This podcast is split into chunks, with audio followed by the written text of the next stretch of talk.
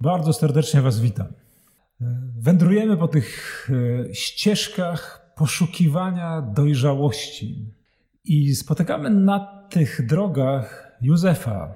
Józefa e, zwanego egipskim, e, który to no tak naprawdę nie wiemy, ile on ma lat na tym etapie swojego życia. Nie jest to młodzieniaszek, jest to już poważny mężczyzna, ale wiemy jedno z całą pewnością, że postawa, którą w nim odkrywamy i o której dziś chcę powiedzieć, jest postawą najpiękniejszej dojrzałości, jaką sobie można wyobrazić. Otóż chcę dziś powiedzieć o sztuce wybaczenia z serca.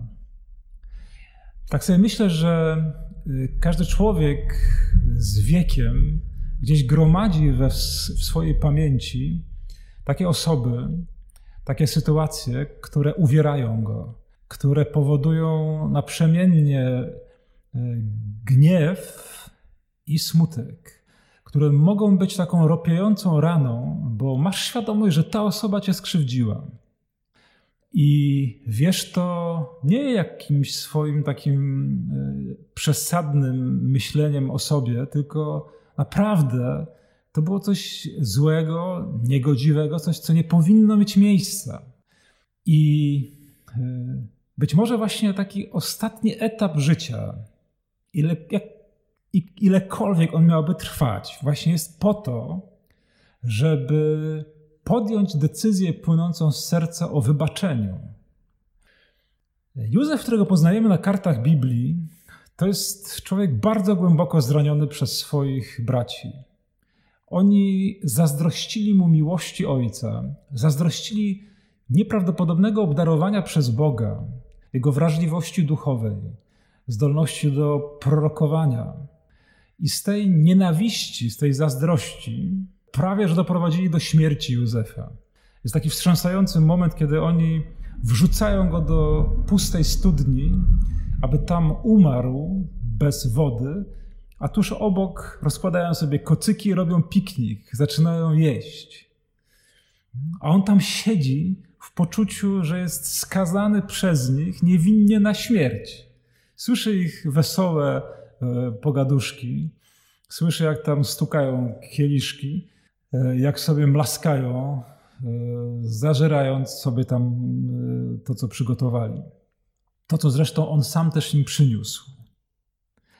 I teraz mając taką ranę w sercu, wiedząc, że tylko cudem uniknął śmierci, bo dwóch braci trochę próbowało temu zapobiec tej śmierci, kiedy przychodzili tam kupcy, mówią: lepiej go sprzedajmy, nie będziemy mieli go na sumieniu, więc sprzedają go jak niewolnika. Więc Józef, cudem uniknąwszy śmierci, no musi się zmagać z potwornym wyzwaniem, jakim jest przebaczenie braciom. I opatrzność Boża stwarza taką możliwość, bo kiedy Józef już jest wysoko postawionym urzędnikiem na dworze króla Egiptu, przychodzą jego bracia właśnie tam, e, gdzie mogą zaopatrzyć się w żywność. To jest niesamowitą okazją, że gdyby tylko Józef chciał, ma możliwość e, zniszczenia ich, ma możliwość odegrania się, jak tylko mu pod, mogła podpowiedzieć wyobraźnia. Ale nie podlega tej pokusie i zamiast tego, co robi, zamiast tego podejmuje taki plan, aby pomóc im dojrzeć do świadomości tego, co oni zrobili. Proszę, poczytajcie sobie tę historię. To jest rozdział 40, najpierw drugi aż do 45, gdzie Józef przez szereg takich swoich działań próbuje im przypomnieć e, o tym, że mieli takiego brata. Oni nie wiedzą o tym, że Józef żyje, nie rozpoznają go. Józef chce, żeby w ich sercach wzbudziła się skrucha, e, ból z powodu zła, które wyrządzili, ale nie chce się upajać tym bólem. On jedyne, czego pragnie, to pojednanie z braćmi. Widać, że wcześniej w jego sercu już dokonało się przebaczenie, a teraz pragnie tylko pojednania. ale wie, że oni muszą być gotowi na to pojednanie. Muszą uznać zło, którego się dopuścili. To jest dojrzałość. To jest wolność od tego przymusu, aby się mścić. To jest ta dojrzałość, która polega na tym, że dajesz czas czasowi, że aranżujesz takie sytuacje, które mogą pomóc temu drugiemu w nawróceniu. Nie oszczędzasz go w tym znaczeniu, że nie próbujesz chronić go przed trudną prawdą, bo on potrzebuje się z tą prawdą spotkać, skonfrontować się z nią. Ale nie po to, żeby cierpieć, tylko po to, żeby jego serce zostało skruszone, żeby stał się gotowy do pojednania.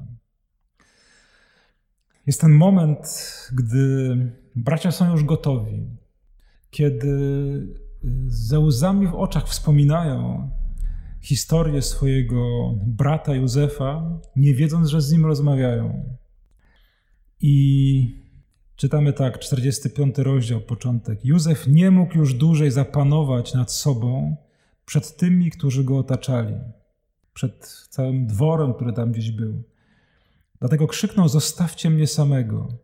Gdy oprócz jego braci nie było nikogo, Józef dał im się poznać. Wybuchnął tak głośnym płaczem, że usłyszeli to Egipcjanie i dworzanie faraona. To był no, tak przejmujący płacz z głębin tej długiej historii, z którą on się skontaktował. E, I tak bardzo pragnął, żeby ta historia nie była historią przeklętą, ale żeby miała swoje zwieńczenie w wybaczeniu, w pojednaniu, w skrusze. Właśnie z głębi tych wszystkich minionych lat zapłakał Józef. I to był płacz, który wszyscy usłyszeli.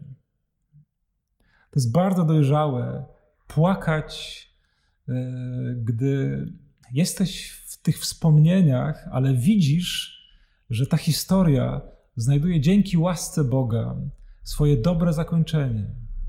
Płakać ze szczęścia, płakać z wdzięczności płakać z miłości do tych, którym już dawno chciałeś wybaczyć i pojednać się z nimi, a teraz stało się to możliwe. To jest niezwykły płacz bardzo dojrzałego człowieka, który konsekwentnie pragnął tego pojednania, który o to zabiegał, który był też świadom, dojrzale świadom, że nie ma pojednania tam, gdzie nie ma skruchy ze strony krzywdziciela. Dziś patrząc na Jezusa, tego, który z krzyża wołał: Wybacz, bo nie wiedzą, co czynią. E, być może poproś o dar łez, o taki dar łez, który sprawi, że te wszystkie bolesne historie zostaną obmyte i być może dzięki łasce Boga zamienią się w szansę, w możliwość głębokiego pojednania.